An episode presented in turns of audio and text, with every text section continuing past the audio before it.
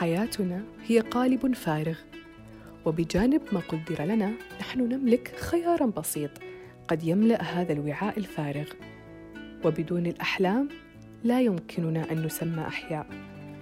يتردد في بال الكثير منا عند سؤال ما هي هوايتك؟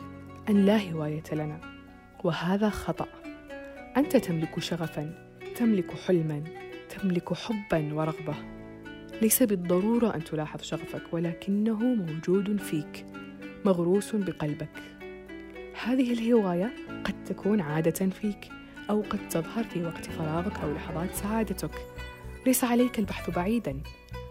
انظر إلى نفسك. ما أن تلاحظ شغفك استثمر فيه وقتك وجهدك. قد يكون سبب في تغيرك وتغير حياتك.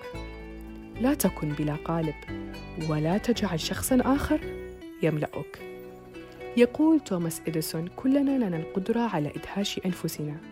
ويقول سيغموند فرويد إن لم تختر ما الذي تريده من الحياة فإن شخصا آخر سيختار لك ذلك.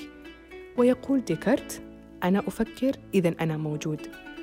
قل أنت دائما أنا ذو شغف إذا أنا موجود. وكن حرا واتبع شغفك.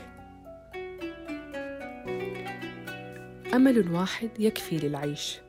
نصف يأس يكفي للموت. قد تأخذ رحلتك للبحث عن نفسك وقتا طويلا جدا وربما تكون مليئة بالمنعطفات والعثرات حتى تظن أنك فقدت نفسك. ولكن في نهاية هذه الرحلة ما يستحق التعب. هناك حيث تجد ما تهوى حيث ترى الحقيقة. أنت تتوهج الآن وتلمع أكثر مما تتوقع. هذه هي بداية الحياة. حين يمارس المرء ما يهوى وحين يدرك أن فيه ما يميزه وما قد ينتشله من القاع إلى السماء. فيك أنت أيضا ما يميزك. ابحث عنه ستجده أمامك.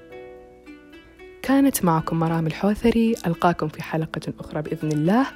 دمتم بخير.